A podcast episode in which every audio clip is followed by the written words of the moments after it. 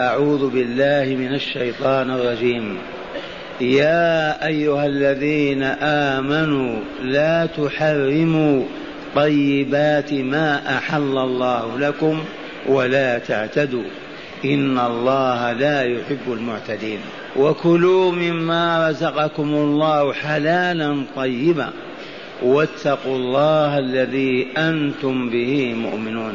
لا يواخذكم الله باللغو في أيمانكم ولكن يواخذكم بما عقدتم الأيمان. فكفارة إطعام عشرة مساكين من أوسط ما تطعمون أهليكم أو كسوتهم أو تحرير رقبة. قراءتان سبعيتان أو كسوتهم أو تحرير رقبة فمن لم يجد فصيام ثلاثة أيام ذلك كفارة أيمانكم إذا حلفتم واحفظوا أيمانكم.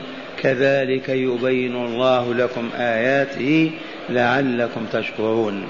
أولا أعيد إلى أذهان المستمعين والمستمعات أن نداء الله للمؤمنين بعنوان الإيمان فيه شرف لهم عظيم.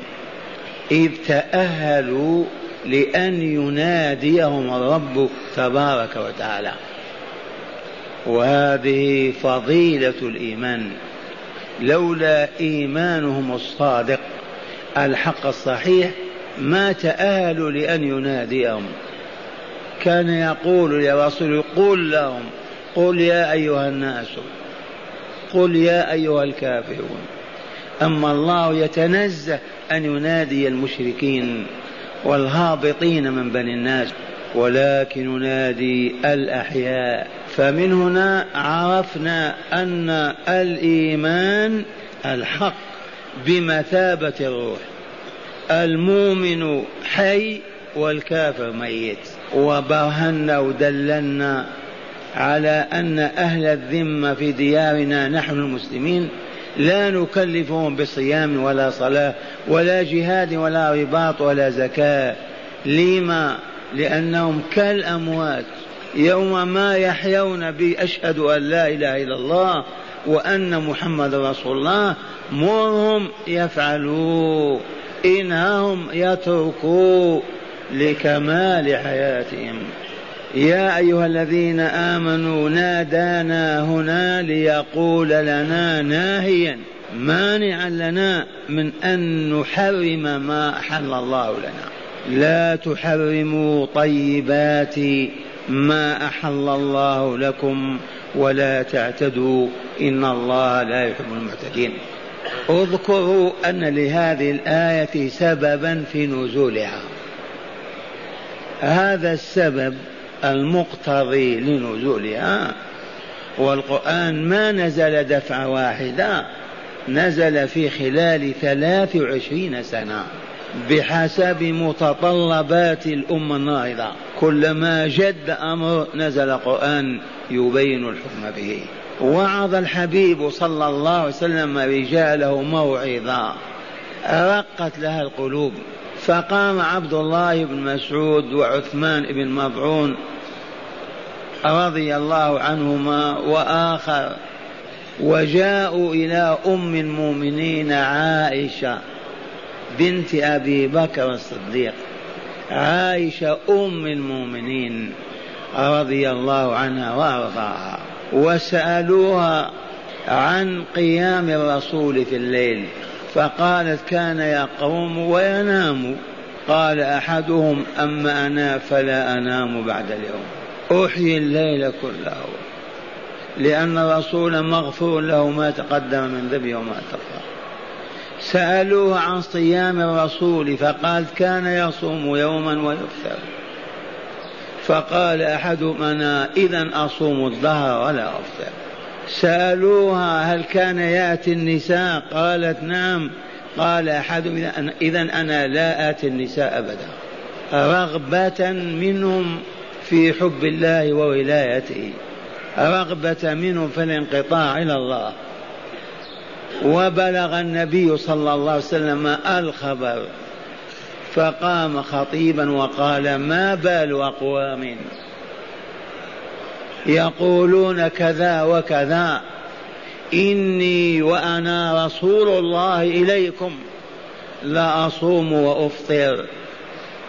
وأقوم الليل وأنام وآتي النساء. هذه سنتي ومن رغب عن سنتي فليس مني. فسد باب الرهبنة التي يعيش عليها الرهابنة من النصارى. يحرمون على أنفسهم ما أحل الله لهم. ونزلت هذه الآية يا أيها الذين آمنوا لا تحرموا طيبات ما أحل الله لكم. النوم طيب يحتاج إليه الآدمي كيف تحرم على نفسك؟ إذا إتيان النساء مشروع وفيه خير. ومما أباح الله وأذن فيه ورغب فيه. كيف تحرم أنت على نفسك؟ الصيام ضده الإفطار. فالإفطار يقوي البدن ويزيد في طاقته لينهض بتكاليف الله ومستلزمات هذه الحياة. كيف تحرم الإفطار لتصوم أبدا؟ وقال لهم لا تحرموا طيبات ما أحل الله لكم ولا تعتدوا. بينت لكم أن الذي يحرم أو يحلل بدون الله اعتدى على الله. من الذي له الحق أن يحرم أو يبيح؟ المالك العالم بمصائر الأمور. أما الجاهل الذي لا يملك كيف يحرم أو يحلل بأي حق؟ ولا تعتدوا والاعتداء مجاوزة الحد. قد يكون بينك وبين أخيك بسبه أو شتمه أو انتهاك عرضه أو أخذ ماله. اعتداء. قد يكون بينك وبين نفسك. تلزمها بالصيام الدهر أو بقيام الليل بدون نوم أو بحرمانها من النساء وإنجاب البنين أو البنات. هذا اعتداء على نفسك واعتداء على الله لأن الله هو المشرع لحكمته وعلمه ورحمته. فلا يصح لآدم أن يحلل أو يحرم وإنما الذي يحرم ويحلل هو الله عز وجل أولا لأنه المالك والثاني لأنه العليم بالمنافع والمضار والثالث لأنه رحيم بأوليائه وعباده. فلا يحرم عليهم طيبات ينتفعون بها. ثم قال لهم ولنا وكلوا مما رزقكم الله حال كون حلالا طيبا فليس الحرام برزق أبدا ولا تقول هذا رزق رزقني الله. وهو جيفه أو مال مغصوب أو مال ربا. ثانيا أن يكون طيبا غير مستخبث ولا مستقذر لأنه يسبب مرضك وانحطاط قوتك. فلا بد وأن يكون المطعوم المأكول أولا مما أذن الله فيه. والله لم يأذن في مال ربا ولا في مال التلصص ولا السرقة ولا الخيانة أبدا ولا مال المؤمنين. ما أذن فيه ما أحله. لا بد وأن يكون مما أحل الله. ثانيا أن يكون طيبا ليس بمستقذر ولا مستخبث بحيث تشمئز منه النفس أو يسب يسبب مرض للإنسان. هذه مظاهر ربوبية الله ورحمته بعباده. ثم قال لنا واتقوا الله أي خافوا. يا شيخ نتقي الله بأي شيء؟ عرفنا بالأمس. من من أهل الحلق الحلقة بالأمس؟ يقول لنا ماذا قلنا البارحة؟ فيما يتقى الله بما يتقى الله. يتقى الله عز وجل بطاعته وطاعة رسوله صلى الله عليه وسلم. في أي شيء؟ في الأوامر والنواهي. فيما أمر الله بفعله أو قوله أو اعتقاده. وفيما نهى الله عن اعتقاد أو قوله أو عمله. ومن هنا وجب على كل مؤمن ومؤمنة أن يعرف أوامر الله بالضبط ونواهيه كذلك. وإلا لن يستطيع أن يتقي الله. لا يمكن أن تتحقق تقوى الله للعبد وهو ما عرف أوامره ولا نواهيه ومن هنا قلنا طلب العلم فريضة على كل مسلم ومسلمة. وليس شرطا أن يكون لك قرطاس وقلم وإنما تسأل بلسانك وتطبق بجوارحك يوما بعد يوم. لقول الله تعالى فاسألوا أهل الذكر إن كنتم لا تعلمون. فكل من كان لا يعلم أوامر الله أو نواهيه إلا ويجب عليه أن يسأل العلماء. ثم لما عرف الأصحاب رضوان الله عليهم وقد حلفوا ألا يأتي النساء ألا تنام ألا يأكل وارتبكوا ماذا يصنعون في أيمانهم؟ التي حلفوها. ففرج الله عنهم وأنزل الآية الثانية فبين فيها كيف الخروج من اليمين. وهذا عام لكل مؤمن ومؤمنة. اسمع ما قال تعالى لا يواخذكم الله باللغو في أيمانكم. ولكن يواخذكم بما عقدتم الأيمان. يجب على كل مؤمن ومؤمن أن يحفظ هذه الآية. هذه مادة من قانون الحياة ودستور دخول الجنة. لا يؤاخذكم الله باللغو في أيمانكم ولكن يواخذكم بماذا؟ بما عقدتم الأيمان. قل ولو بالبربرية. لا يواخذكم الله باللغو في أيمانكم ولكن يواخذكم بما عقدتم الأيمان. والأيمان جمع يمين. وهنا الأيمان خمسة. ممكن نحصيها ونحفظها. لو كانت تتعلق بالتجارة والبيع والأحاديث محفوظة هذه. لكن هذه علمية ربانية لا يحفظها إلا ولي الله. كونوا أولياء الله. وليقول أحدكم لن نبرح مكاني حتى أعرفها أولا لغو اليمين. أن يحلف أحدنا على شيء يظنه كذا فيتبين أنه خلاف ما ظن. يا أبا بكر ناولني عشر ريالات فيقول والله ما عندي يا شيخ الآن. معتقدا دخل إلى بيتي أدخل يده في جيبي وجد عشر ريال هل يواخذ على هذا اليمين؟ أين إبراهيم؟ في المنزل أي نعم والله في المنزل. لأنه تركه في المنزل وتبين أن إبراهيم في السوق أو في المسجد. هذه لغو يمين وإلا ملغاة. لا إثم فيها ولا كفارة. الثانية أن يجري على لسانك ما لا تقصد اليمين. من أنت إبراهيم والله. نحن في أي ساعة؟ في الساعة السابعة والله. أو هل جاء بلى والله جاء يجري على لسانه الحلف وهو لا يقصده ولا يريده.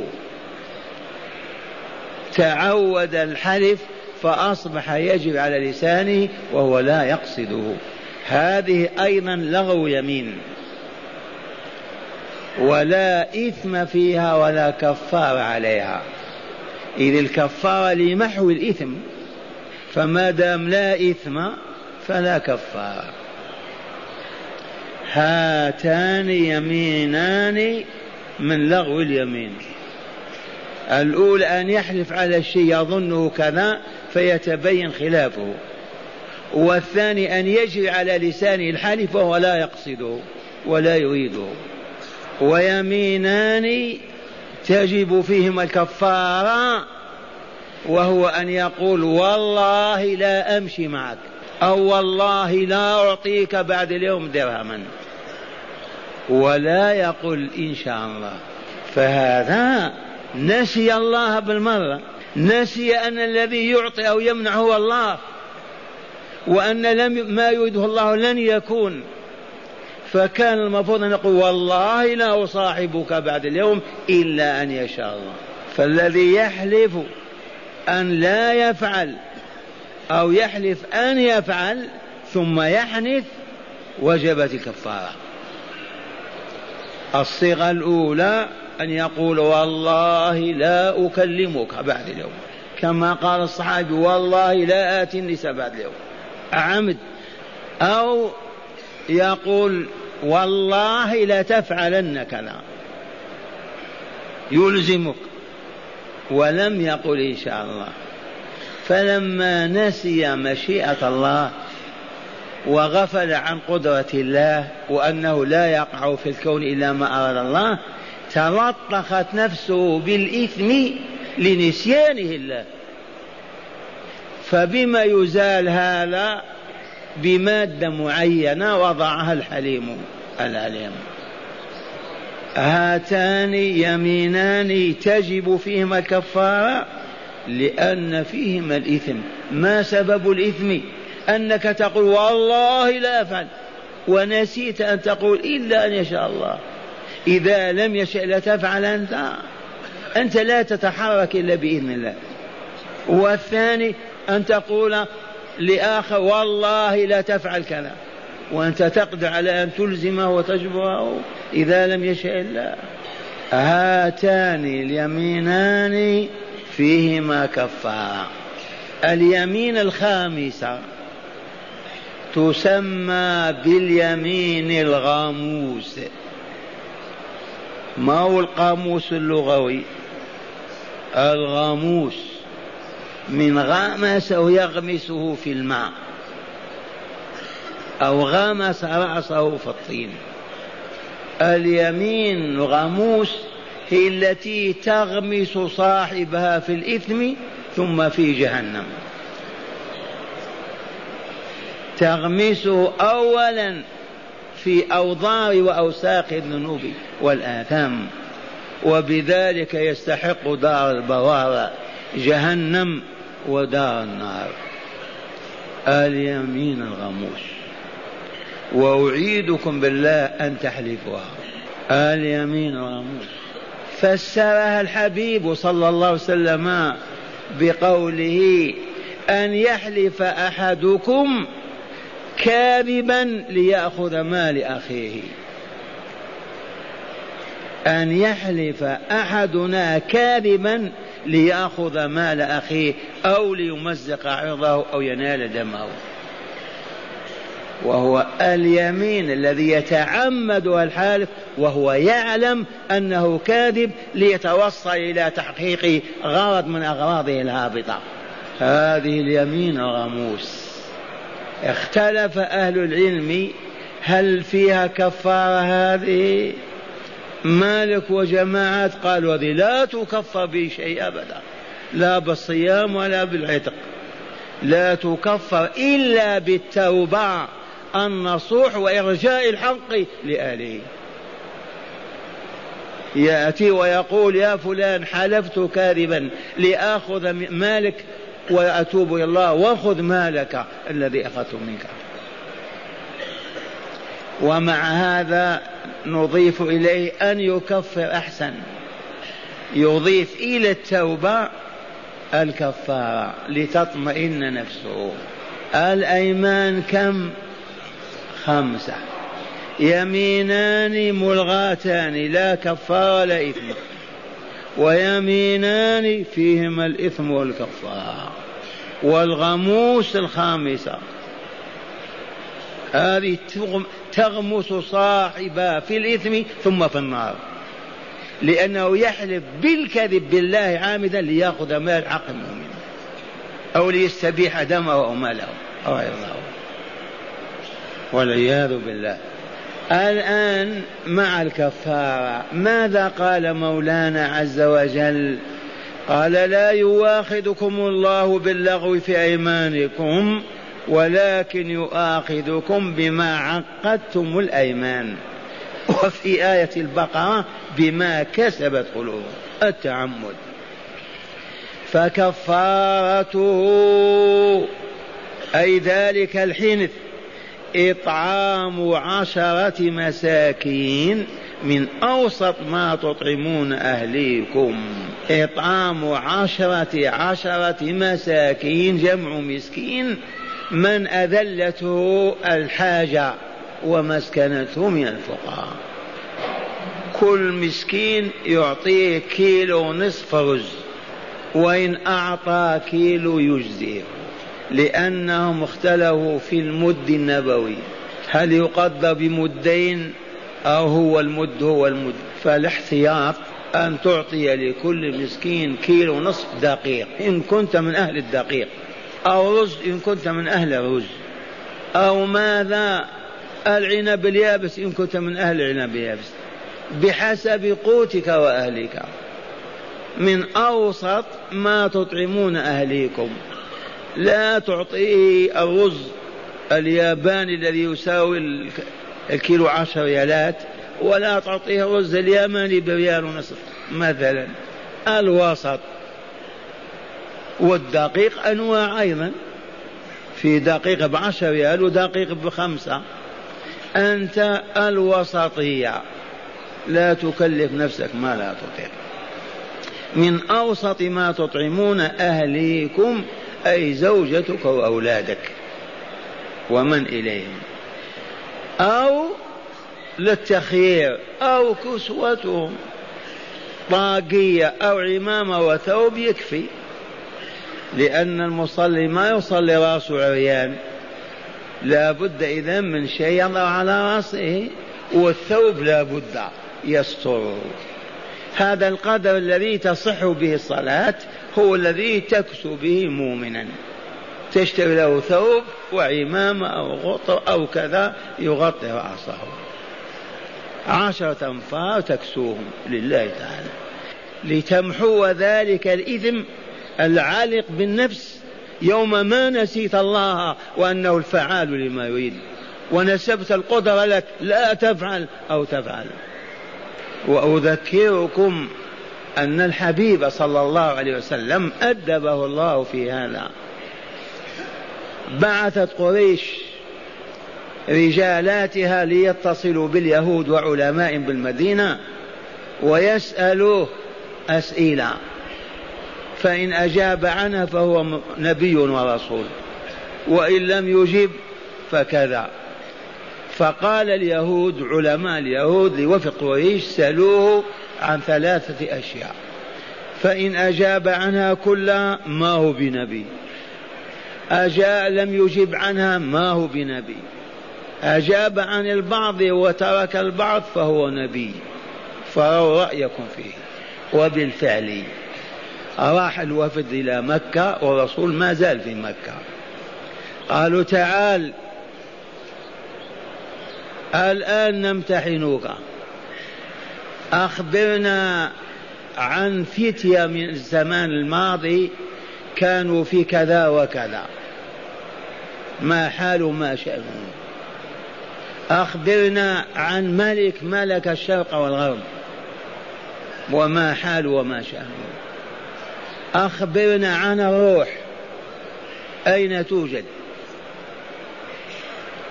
فقال لهم غدا أجيبكم عن سؤالكم. ونسي أن يقول إن شاء الله. لأنه بشري ضعيف. غدا أجيبكم. فتأخر الوحي. لم ينزل جبريل. اليوم الأول والثاني والثالث وهو يتطلع. صلى الله عليه وسلم. بلغ خمسة عشر يوما وإذا بأم جميل العوراء امرأة أبي جهل تغني في الشوارع وترقص محمدا أبينا ودينه قلينا كذا وكذا. تغني فرحة قال الآن انفضح ما عنده علم ما هو نبي. وكرب رسول الله وحزن وبكى. وبعد نهاية النصف الشهر جاء جبريل بصورة والضحى واسمعوها. والضحى من الذي يحلف؟ الله والليل إذا سجى من الذي يحلف؟ ما ودعك ربك وما قلى. إبطال لمزاعم أم جميل. قلاه ربه وتركه. ما ودعك ربك وما قلى. وللآخرة خير لك من الأولى. فإن كربت اليوم أو حزنت لهذا الآخرة. ولسوف يعطيك ربك فترضى. ثم بين له تلك المواقف. ألم يجدك يتيما فآواك؟ بلى. ووجدك ضالا فهداك. قبل أربعين سنة ما كان يعرف الله ولا الطريق إليه. ووجدك عائلا فأغناك. إذا فأما اليتيم فلا تقهر وأما السائل فلا تنهر وأما بنعمة ربك فحدث. فقال الرسول الله أكبر الله أكبر الله أكبر. ثم نزلت سورة الكهف. نحن نقص عليك نبأهم بالحق إنهم فتية آمنوا بربهم وزدناهم هدى إلى آخر السياق. في كذا آية. يسألونك عن ذي القرنين قل سأتلو عليكم منه ذكرا. فقص عليهم قصة ذي القرنين من أول لآخرها يسألونك عن الروح قل روح من أمر ربي وما أوتيت من إلا قليلا. فعرف اليهود أنه رسول الله. وعرف المشركون أنه رسول الله.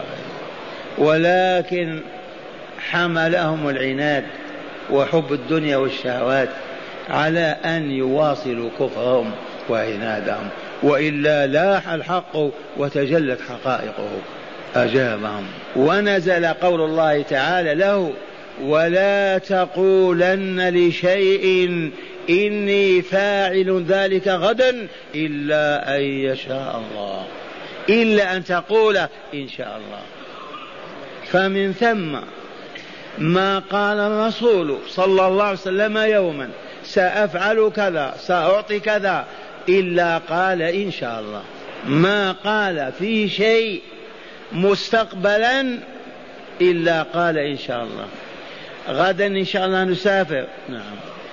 أين إبراهيم؟ إن شاء الله يأتي. دائما إن شاء الله. ومن غريب أحوال عوامنا أنه يقول إن شاء الله في الماضي تغديت وإلا لا؟ قال إن شاء الله تغديت. تغديت بالفعل. انتبهتم؟ سافرتم وجيتم الحمد لله إن شاء الله. يكفي أنك جئت. فإن شاء الله لا تقول في الماضي تقولها في المستقبل.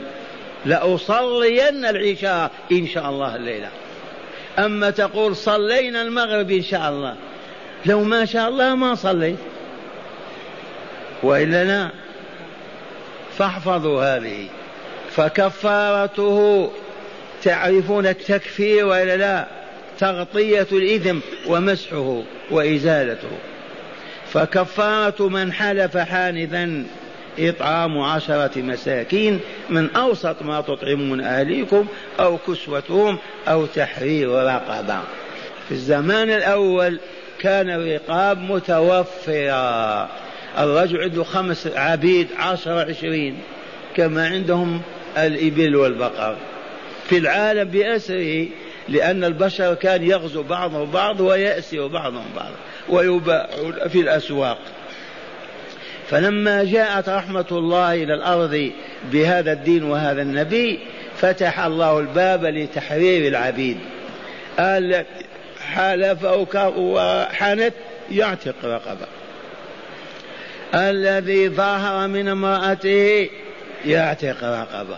الذي قتل مؤمن خطأ يعتق رقبة. الذي أراد أن يكون من أولياء الله فليحرر وهكذا. فتح باب التحرر على مصراعيه وهنا قال أو تحرير رقبة أو للاختيار. إن شئت أطعمت أو كسوت أو عتقت كل ذلك جائز. اللهم إلا في حال العجز عن واحدة من الثلاثة يتعين حينئذ الصيام. فصيام ثلاثة أيام. متتالية متتابعة أو متفرقة كل جائز. أنت وحالك. تصوم ثلاثة أيام. تمتنع عن الطعام والشراب والنكاح من طلوع الفجر إلى غروب الشمس. لتمحو الإثم الذي علق بنفسك لأنك حلفت أن تفعل وأنت عاجز أو لا تفعل وأنت عاجز. ونسيت أن الله هو على كل شيء قدير ولم تقل إلا أن يشاء الله. تلطخت بالإثم كفارته ما وضع الله عز وجل. اسمعوا الآية.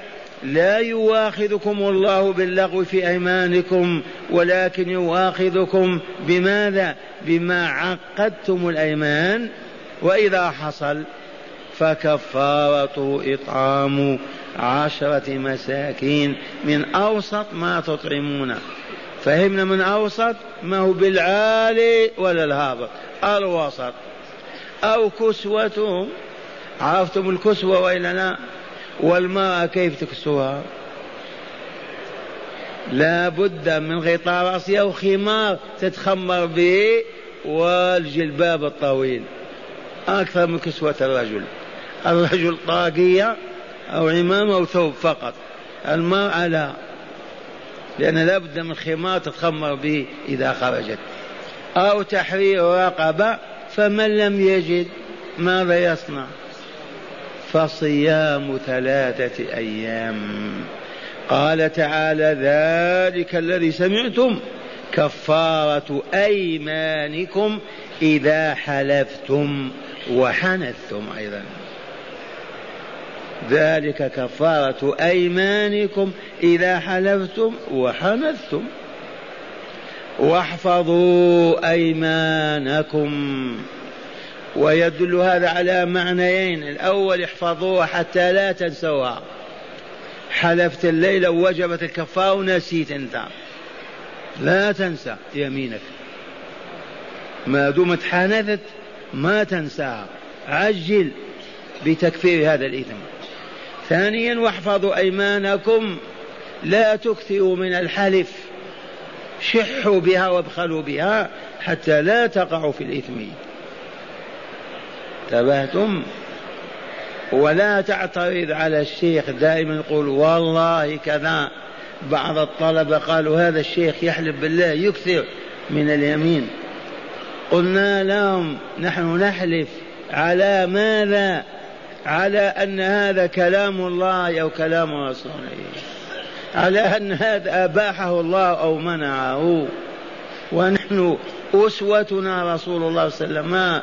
كان يحلف في أخباره ألا والله لكذا وكذا. والله يحلف وإلا لا. فقط لا تكثر الحلف حتى لا تقع في الحنث وتهلك. واحفظوا أيمانكم. كذلك يبين الله لكم آياته. أي كهذا التبيين يبين لكم آياته الماء الحاملة للأحكام والشرائع والآداب والقوانين والعبادات. كهذا التبيين ما زال تعالى يبين لنا. واقرأ تسعين النداء وتشاهد أحكام الله عز وجل. والعلة في ذلك يقول لعلكم تشكرون. هذه لعل الإعدادية ليعدكم بذلك إلى شكره. لأن من حلف وقال إن شاء الله شكر الله عز وجل. ومن حلف ولم يقل إن شاء الله ثم كفر عن يمينه شكر الله عز وجل. ومن عتق رقب في سبيل الله كفار شكر الله. ومن تصدق بطعام شكر الله. ومن كسى عاريا شكر الله. وهكذا هذه العبادات كلها هي شكر الله عز وجل. هكذا يعدكم لتصبحوا من الشاكرين. معاشر المستمعين غير أهل الحلقة لو قام أحدكم وسأل أهل المنطق الفلسفة علوم النفس الاجتماع السياسة وقال أطرح هذا السؤال على منتدى أمريكا وإيطاليا ما هو سر هذه الحياة؟ ما علة هذا الوجود؟ ويبقى منتداهم أو مؤتبرهم ألف سنة. والله ما عرفوا.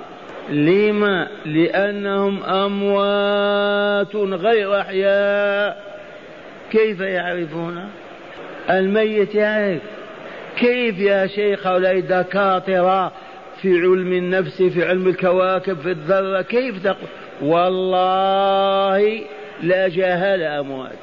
حتى يعرفوا ربهم خالقهم ومدبر حياتهم ثم يخضعوا له ويذلوا ويحبوه ويرغبوا فيما عنده أما وهم جاهلون بخالقهم يقال فيهم أحياء أموات. والآن تعودون بها إلى دياركم أنكم عرفتم سر هذه الحياة. لما خلق الله الجنة لما خلق الله النار لما خلق الله السماوات لما خلق الله الجبال لما خلق الحيوانات لما خلق الآدميين لما لما لما الجواب واحد أراد أن يذكر ويشكر فأوجد هذا الكون ليسمع ذكره من أفواه عباده ويرى شكره في أعمالهم. ما أراد بالخلق زوج ولا ولد ولا منصب ولا مال ولا جاه ولا سلطان ولا هو غني عن هذه المخلوقات هو خالقها إذا ما السر في خلقها؟ أن يذكر ويشكر. فقط. فلهذا من عاش على ذكر الله وشكره تحققت ولايته وأصبح من أهل دار السلام بما لا جدال فيه ولا نزاع. ومن أعرض عن ذكر الله ونسيه وكفر بشكره على آلائه ونعمه فهو هالك مع الهالكين وخاسر خسرانا أبديا. انظر بين لنا هذه الأحكام ثم قال لعلكم تشكرون. يا معاشر المستمعين إذا أكلتم فاشكروا الله إذا شربتم فاشكروا الله إذا صليتم فاشكروا الله. بل ادعوا الله أن يعينكم على ذكره وشكره الرسول يقول لحبيبي يا معاذ والله إني لأحبك. لا تدعن أن تقول دبر كل صلاة اللهم أعني على ذكرك وشكرك وحسن عبادتك. وأخيرا سمعتم لقمان ما قال لولده الليلة ماذا قال؟ يا بني لا تشرك بالله إن الشرك لظلم عظيم. وأنا أعرف موقنا أن من بين الحاضرين عوام وطلبة علم ما جلسوا هذه المجالس فلا يعرفون الشرك الشرك ما هو. أضع أيديكم على نقاط. أولا الحلف بغير الله شرك. الذي يقول حق النبي وراس سيدي فلان وراسك يا فلان أشرك بالله عز وجل. وهذا رسول الله يقول من حلف بغير الله فقد أشرك. ما معنى أشرك؟ أوجد عظيما من الخلق وأعطاه عظمة الرب وحلف به. ومن هو الأعظم والأكبر الله أم غيره؟ الله أكبر وإلا لا. فكيف ترفع مخلوق وتحلف به؟ تقرينه مع الله. من حلف بغير الله فقد أشرك. وأنبه الذين يجري على لسانهم الحلف بدون قصد. انتبهتم؟ والله ما نفعل. والنبي وحق سيدي كذا هؤلاء كفارة ذنبهم لما يقع في الكف في, الكف في الحلف يقول لا إله إلا الله. والنبي منعود قل لا إله إلا الله. تمحها لا إله إلا الله. أخبر بهذا رسول الله صلى الله عليه وسلم ما لما شاهد المؤمنين الجدد هذا آمن من أسبوع وهذا من سنة من شهر يحلفون كما كانوا يحلفون في الجاهلية. فقال لهم من حلف بغير الله فليقل لا إله إلا الله. تمحها تغسلها على الفور. لكن على الفور يا فلان لا. والنبي أو حق فلان. ثم قل لا إله إلا الله. تمحها كيف عرفتم الحلف بغير الله شرك ولا لا؟ شرك في عظمة الله. سويت مخلوقا من مخلوقات الله بالله. على المنبر يقول صلى الله عليه وسلم ألا إن الله ينهاكم أن تحلفوا بآبائكم ومن كان حالفا فليحلف بالله أو ليصمت. على المنبر. إن شاء الله فهمنا هذه. لن يسمع الله منا بعد اليوم. الحلف بأمي ولا برأسي. ولا بالكعبة ولا بالنبي ولا بالمصحف. أبدا. ومن جرى على لسانه لا إله إلا الله. يمحو ثانيا. الذين يذبحون للأولياء في نذورات على أضرحتهم أو يقول هذه لسيدي عبد القادر أو سيدي مبروك أو سيدي فلان. هذا النذر لغير الله شرك والله في عبادة الله. فلا يحل لمؤمن ولا مؤمن أن ينذر لغير ربه. النذر لله نقول لك يا رب علي أن نصوم هذا الأسبوع إن فرجت كربي. نعم. لك علي يا رب أن نتصدق بألف ريال في هذا الليلة. إن فعلت بي كذا وكذا هذا بينك وبين الله. أما تقول يا سيدي مبروك يا سيدي فلان ميت تستدعيه وتتكلم معه وتعده. هذا والله لأن يذبح العبد خير من أن يقول هذا. يحاد الله ويعتدي على شرعه ودينه. عرفتم النذر هذا؟ والذبح. أما الدعاء يقف أمام الضر يا سيدي يا فلان يا فلان. هذا من أفظع أنواع الشرك. والله لو تقف أمام علي بن أبي طالب عمر بن الخطاب رسول الله وتدعوه ألف سنة. والله ما أجابك ولا عرف عنك. انتبه فكل من ينادي ميتا يا سيدي فلان المدد أو الغوث أو كذا فقد أشرك في عبادة ربي غيره. ولا ذنب أعظم من هذا الذنب. والله نسأل أن يتوب علينا قبل موتنا. من تاب تاب الله عليه. أما من مات يشرك بالله فلا نجاة من النار. وإليكم بيان الله. يقول تعالى لرسوله ولقد أوحي إليك وإلى الذين من قبلك لئن أشركت ليحبطن عملك ولا تكونن من الخاسرين. ويقول تعالى إن الله لا يغفر أن يشرك به ويغفر ما دون ذلك لمن يشاء. ومن يشرك بالله فقد ضل ضلالا بعيدا. فقد افترى اثما عظيما. كيف نفتح عيوننا أمام المخلوقات وننسى خالقها؟ ولكن الجهل هو الذي ساقنا إلى هذا. فهيا نعود إلى قال الله قال رسوله ننجو من هذه الفتن.